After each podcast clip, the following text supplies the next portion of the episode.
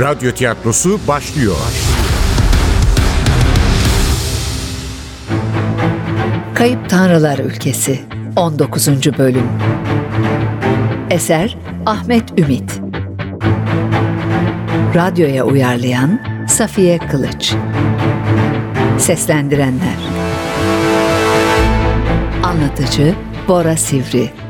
Başkomiser Yıldız Nur Saçbüker Otan Tobias Murat Aydın Haluk Sinan Divrik Markus Aziz Güngör Efektör Cengiz Saral Ses Teknisyeni Tuğba Zapçı Yönetmen Burak Cansen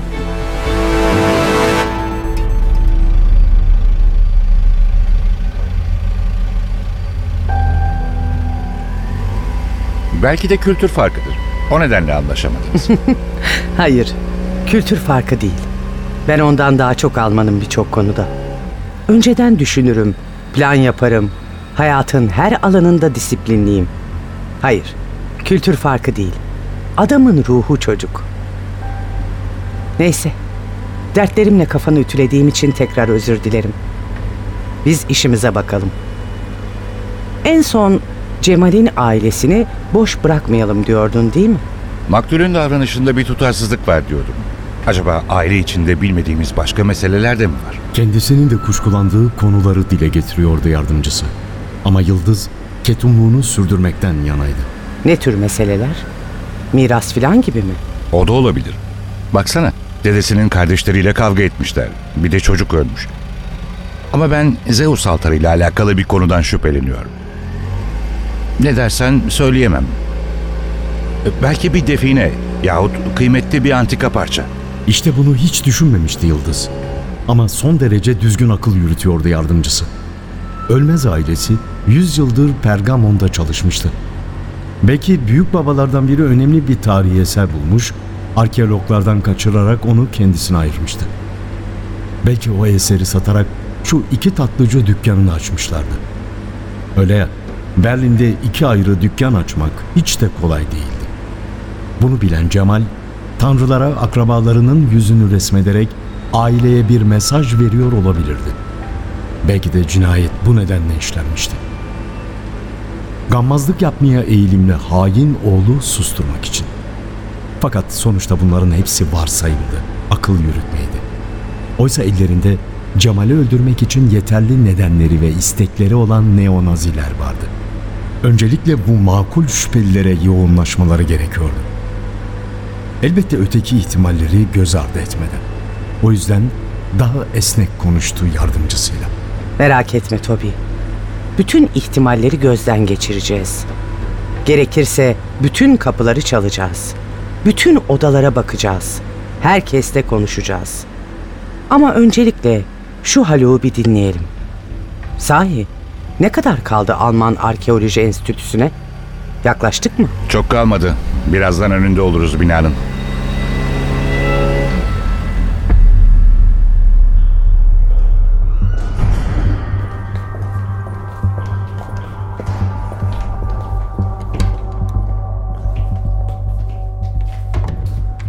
Haluk ne Cemal'e ne de Kerem'e benziyordu.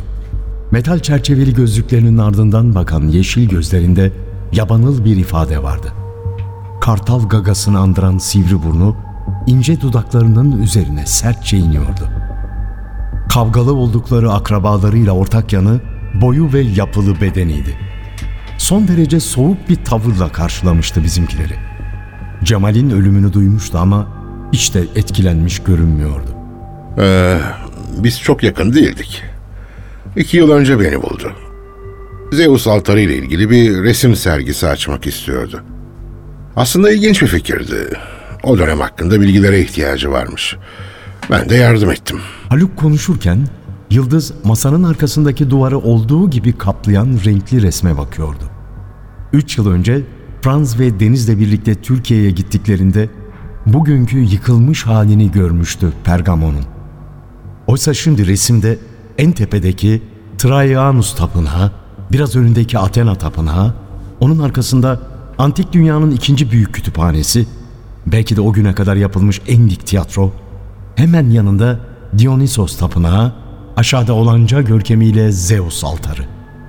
Altarın önünde kümeleşmiş o çağın insanları, dış ve iç duvarların üzerindeki frizlerde birbirleriyle kıyasıya savaşan tanrılar ve devler, basamaklarda kurban edilen hayvanların kanları, üst katta yer alan sunakta yakılan ateş.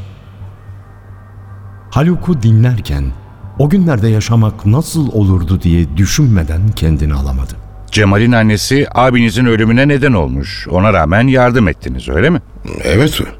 Saçma sapan bir kavga sırasında ölmüş İhsan abim. Ben küçüktüm ama kasıt falan yokmuş. Arbede sırasında bir araba çarpmış. Kasıt olsaydı hukuk verirdi cezasını. Yani olan olmuş. O konuda yapılacak bir şey yok. Cemal de son derece nazikti. Üstelik projesi Pergamon Müzesi'nin tanıtımına yarayacaktı. Yardım etmekte bir sakınca görmedim. Yardım etmemem mi gerekiyordu? Peki aileniz nasıl karşıladı bu tavrınızı? Özellikle de babanız. Neydi adı? Davut. Davut ölmez. Onlara söylemedim. Hiç gerek yoktu. Söylesem de anlamazlardı zaten. Ama öğrendiler değil mi? Kızdılar mı size? Ee, birileri Cemal'le birlikte görmüş bizi. Özellikle annem çok üzüldü. Abinin katilleriyle nasıl görüşürsün diye azarladı beni. Kaza olmuş dedim. Ne kazası? Hüseyin denen it elinde bıçakla kamyonun önüne itti insanı. Onların hepsi katil diye çıkıştı babam. Olayın nasıl olduğunu bilmiyordum ama Cemal'in cinayet işleyeceğini sanmıyorum. Yani öyle bir insan değildi. Ama aileme karşı çıkacak halim de yoktu. En sevdikleri çocuklarını kaybetmişler. Onları kırmamak için Cemal'le görüşmeyi kestim. Ee, iki yıldır da görüşmüyorum. En çok İhsan'ı mı severdi babanız? Evet, en çok abimi severdi. İhsan abim öldükten sonra bu sevgi iyice saplantı halini aldı tabii. Bir ölüyle yarışamazdım. Yarışmadım da zaten. Oğlunu bu kadar çok seven babanız intikam almak istemedi mi? Ne biçim bir soru bu? Babamı cinayetle mi suçluyorsunuz siz? Bilgi almak istediğinizi söylediniz ama ailemi didikliyorsunuz. Belki de benim katil olduğumu düşünüyorsunuz. Olabilir mi? Öyle mi? Eğer öyleyse söyleyin de avukatımı çağırayım hemen. Hiç gerek yok Bay Ölmez. Sanırım kendimizi doğru ifade edemedik. Hayır, sizi suçlamıyoruz. Gerçekten de yardım istiyoruz. Bütün bunları kim anlattı size? Kerem denen o ruh hastası değil mi? Bizi suçlayacağını kendi manyaklığını anlatsaymış ya. Evet, bu Kerem denilen adam bir ara kendini Kronos zannediyordu. Yıldız ve Tobias birbirlerine baktılar. Belki de Cemal babasının bu hastalığını bildiği için eskizlerde Kronos'u ona benzetmişti. Polislerin ilgisinin arttığını fark eden arkeolog öfkeyle sürdürdü sözlerini. Evet evet, Zeus'un babası olan Kronos'tan bahsediyorum. Kerem gerçekten de aklını kaçırmış. Altı ay hastanede yatmış. O zamanlar bizimkilerle araları iyiymiş. Bizzat babam ilgilenmiş onunla. Her hafta ziyarete gidermiş. Hoş geldin Okyanos diye karşılarmış babamı. Hoş geldin kardeşim. Biz hepimiz ölümsüzüz. Pergamonlu değil miyiz? Pergamon'da titanların ve tanrıların dağıdır dermiş. Ama hiç de hasta gibi görünmüyordu. Son derece mantıklı konuşuyordu. E, ilaç alıyor çünkü. Eğer almazsa yeniden eline bir asa geçirip ben Zeus'un babası Kronos'um diye dolaşabilir ortalıkta. Düşünün adamın kendisi bu haldeyken bir de utanmadan benim ailem hakkında atıp tutuyor. Kesinlikle incelenmesi gereken bir meseleydi ama arkeologdan öğrenecekleri başka konular vardı. Kerem Ölmez hakkında verdiğiniz bilgi çok işimize yarayacak. Hiç kuşkunuz olmasın. Bu meselenin üzerine gideceğiz. Ama öncelikle Cemal hakkında konuşmak istiyoruz. Evet, sizin de tanıdığınız ve akrabanız olan bir adam hunharca öldürüldü. Kalbi söküldü ve Zeus'a adak olarak sunuldu. Sözlerini sürdürürken gözlerini arkeoloğun yüzüne dikmişti Yıldız. Beklediği tepki gecikmedi. Ne? Kalbi Zeus'a adak olarak mı sunuldu? Ne diyorsunuz siz? Şaka mı bu? Ne yazık ki şaka değil. kuzeniniz evinde göğsü parçalanmış, kalbi çıkartılarak eline verilmiş olarak bulundu. Önüne yatırıldığı duvarda Zeus'un bir resmi vardı. Cinayet mahalli öyle düzenlenmişti ki sanki Cemal kendi kalbini Olimpos'un baş tanrısına sunuyor gibiydi. Siz daha iyi bilirsiniz. Antik Yunan'da tanrılara insan kurban ediliyor muydu? Az önceki gerginliğinden kurtulamamışken yeni bir şokla allak bullak olan Haluk zihnini toparlamaya çalıştı. İfigenia. Kral Agamemnon kızı Ifigenia'yı tanrıça Artemis'e kurban etmek istemişti. Şu filmdeki kral mı? Truva filmindeki iki kardeşten biri. Evet, evet filmdeki. Evet. Miken kralı Agamemnon'la kardeşi Sparta kralı Menelaos. Ama o filmde anlatılan her şey doğru değil tabii. Tarih öğrenmek istiyorsanız bilim insanlarının çalışmalarını okumalısınız. Sanatçıların tutkuları, gerçekleri çarpıtabilir. Menelaus'un karısı değil miydi Helen? Hani şu Troya şehrine kaçırılan kadın. Kaçırılmadı. İsteyerek kaçtı. Çünkü Troya prensi Paris'e aşık olmuştu. Tanrılara insan kurban etmekten bahsediyorduk. Agamemnon'un kızını anlatıyordunuz. Evet, talihsiz Ifigenia. Babası Agamemnon bir avda Artemis'in kutsal geyiğini vurmuştu. Bu yüzden Artemis krala rüzgarları yasaklamıştı. Gemileri öylece kala kalmıştı denizde. Oysa kazanmaları gereken bir savaş vardı. Agamemnon tanrıçanın yasağı kaldırması için öz kızını adak olarak sundu. Ama kalbini çıkarmadı. Zavallı Ifigenia'nın boğazını kesmek istedi. Fakat Tanrıça Artemis kıza acıdı ve gökyüzünden bir geyik gönderdi. Böylece geyik adak oldu. Ifigenia da Artemis tapınağında rahibe olarak yaşamını sürdürdü. Fakat e, Ifigenia bir bakireydi. Yani Yanisi bu hikayede olduğu gibi tanrılara insan kurban edildiğinde genellikle bu bir bakire olurdu yahut genç bir delikanlı. Cemal bu özellikleri taşımıyordu. hikaye dediniz. Yani mitoloji. Peki gerçekten de insanlar Yunan tanrılarına kurban edildi mi? Elbette edildi. Girit'te bir tapınakta yapılan kazılarda kurban edilmiş hayvanların yanında insan iskeletlerine de rastlandı. Kemiklerdeki darbeler kurban ritüeline göre öldürüldüklerini gösteriyordu. Çünkü Girit deprem bölgesi. O çağlarda insanlar depremin nedeninin tanrıların öfkesi olduğuna inanıyorlardı. E tanrılara kıymetli adaklar sunarlarsa bu yıkımlardan kurtulacaklarını düşünüyorlardı kentin en güzel bakirelerini ya da en güzel erkek çocuklarını tanrılar için öldürüyorlardı. Cemal'i gerçekten de Zeus'a mı kurban etmişler? Öyle görünüyor. Belki de katil ya da katiller öyle düşünmemizi istiyor. Ama ne olup bittiğini tam olarak bilemiyoruz. Sizin de söylediğiniz bazı tutarsızlıklar var. Peki Zeus altarında da insan kurban edildi mi? Hayır, hayır hiç zannetmiyorum. Ya kazılarda bu yönde bir bulguya rastlamadık. Belki sonra bulursunuz. Kral Agamemnon bile kızının boğazına bıçağı dayamaktan çekinmemiş. Öyle değil mi? Şu anda bulgu yok diye kesinlikle insan kurban edilmemiştir diyebilir miyiz? Haluk ne saçmalıyorsun dercesine bakıyordu. Diyebiliriz Bay Becker. Troya Savaşı'yla Zeus altarının yapılması arasında bin küsür yıl var. Altarda Zeus'a adak olarak hayvanlar, e, en iyi şaraplar, kıymetli olan ne varsa hepsi sunuldu. Bunların kanıtları var ama insan kurban edildiğine dair bir bulgu yok. Tobias ikna olmamıştı. Arkeolog bunu fark etti. Anlamadınız.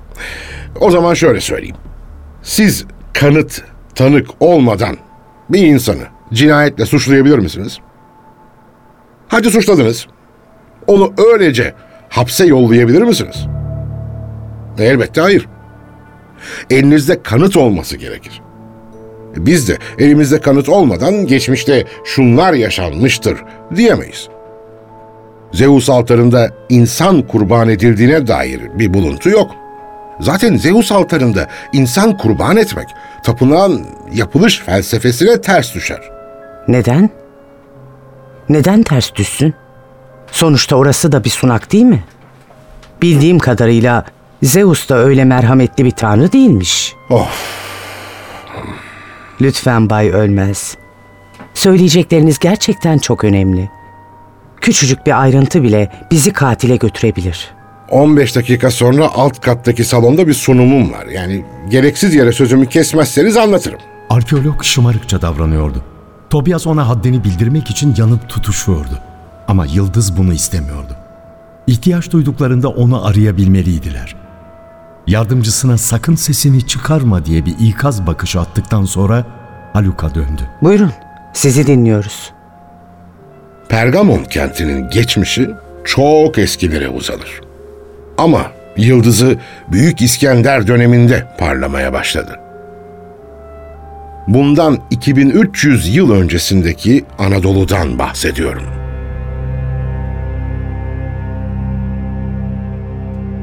Büyük İskender genç yaşta ölünce hakimiyet alanları da komutanları arasında bölüşülmüştü. Lysimakos da onun gözü kara komutanlarından biriydi. Yıllar süren savaşlardan elde ettiği 9000 talentlik ganimeti Pergamon'da korumaya aldı. Çünkü Pergamon ele geçirilmesi son derece güç bir tepenin üzerine kurulmuş sağlam bir kaleydi. Başına da sadık adamlarından hadım Filetairos'u koydu. 9000 talent büyük paraydı. Bugün 225 ton gümüşe denk geliyor. Yani o zaman içinde, bugün içinde hatırı sayılır bir servet. En namuslu kişileri bile yoldan çıkartacak kadar devasa bir hazine. Fakat Filetairos dürüst bir adamdı. Asla emanete hıyanet etmezdi. Lakin o dönemin Anadolu'su son derece karışıktı. Savaşların, isyanların, yağmaların ardı arkası kesilmiyordu. Nitekim İskender'in komutanı Nisimakos da o savaşlardan birinde öldürüldü. Böylece Pergamon valisi ve şehir büyük bir servetin sahibi oldu. İşte o servet antik Pergamon'u sadece Anadolu'nun değil, antik dünyanın en parlak kentlerinden biri haline getirecekti. Yıldız'ın bakışları yeniden arkadaki Pergamon şehrinin resmine kaymıştı. Bütün bu saraylar, tapınaklar, kütüphaneler o parayla mı yapıldı? Hayır. Bunların bir kısmı Helenistik dönemde, bir kısmı Roma döneminde yapıldı. Başını çevirdi, şehrin en görkemli yerinde dikilen beyaz mermer sütunlu binayı gösterdi. Mesela Traianus Tapınağı Roma döneminde yapılmıştı. Parmakları sağa kaydı. Athena tapınağını ve kütüphaneyi geçti, biraz aşağı indi, Zeus altarının üzerinde durdu. Altarsa tamamıyla Helenistik döneme aittir ve baş tanrıya adanmıştır. Şu hazineyi alan adam mı yaptırmış? Hayır, Zeus altarı Filetairos'tan yüz küsür yıl sonra yapıldı.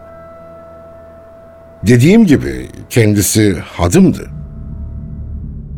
Pergamon'u yeğeni 1. Eumenes'e bıraktı. 1. Eumenes 22 yıl kral oldu. Onun ardından kuzeni 1. Attalos hüküm sürdü.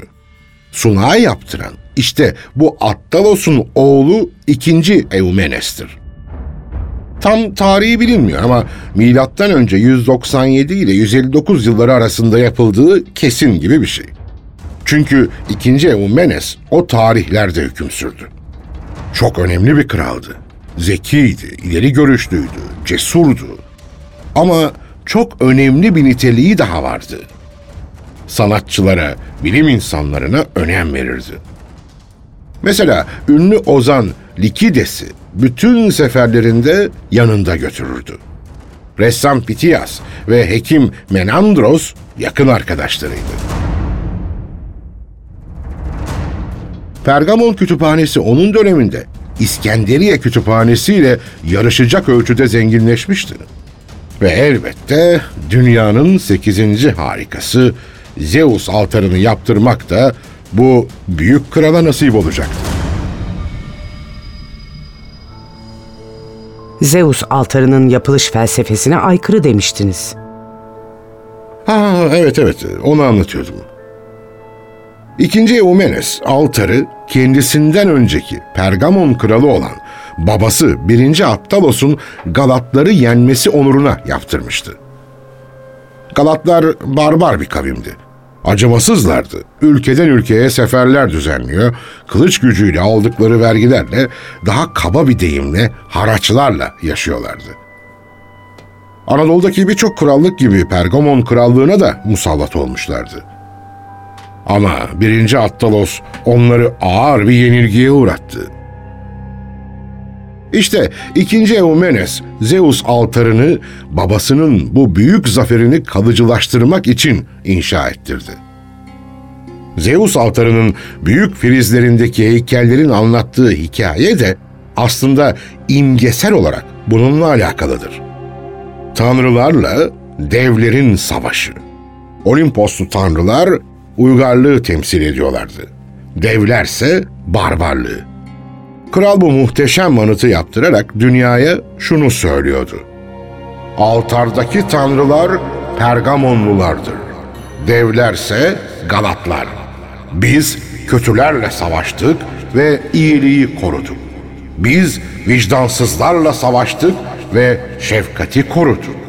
Biz cahillerle savaştık ve kültürü koruduk. Tanrılara insan kurban etmek, bu kanlı ritüel, acımasız Galatların ya da ilkel kavimlerin tapınma biçimi olabilir ama asla uygar Pergamonluların değil. O yüzden Zeus altarında insan kurban edilmemiştir. Pergamon yüzyıllarca Atina'ya meydan okurcasına kültür ve sanatın merkezi olmayı sürdürmüştür. Kimse de şehre kara çalmaya cüret edememiştir. Ancak Hristiyanlığın ilk yıllarında Aziz Yohanna İncil'deki vahiy bölümünde şeytanın tahtının Pergamon'da bulunduğundan söz eder. Altar gerçekten de tahta benziyor. Devasa bir tahta. Ama şeytanın değil. Zeus'un tahtı. Yeni dinini yaymakta olan Aziz Yuhanna'nın Zeus'u şeytan diye tanımlaması anlaşılabilir. Fakat tümüyle yanlıştır. Saçma bir bakış açısıdır. Haluk'un sözleri cep telefonunun ziliyle kesildi. Hayır, arkeoloğun değil, Yıldız'ın telefonuydu çalan. Müdür Markus'un numarası belirmişti ekranda. Önemli olabilirdi. Mahcup gülümsedi başkomiser. Pardon, buna bakmam lazım. Ha, tabii tabii. Zaten benim de toparlanmam gerekiyor. Az sonra sunumum başlayacak. Alo, Alo? buyurun müdürüm. Alo Yıldız? Bir cinayet daha işlendi. Orhan Ölmez'in cesedi bulundu. Kayıp Tanrılar Ülkesi Eser Ahmet Ümit Radyoya uyarlayan Safiye Kılıç Seslendirenler Anlatıcı Bora Sivri. Başkomiser Yıldız Nur Saçbüker Otan. Tobias Murat Aydın. Haluk Sinan Divrik. Markus Aziz Güngör. Efektör Cengiz Saral. Ses Teknisyeni Tuğba Zapçı. Yönetmen Burak Cansen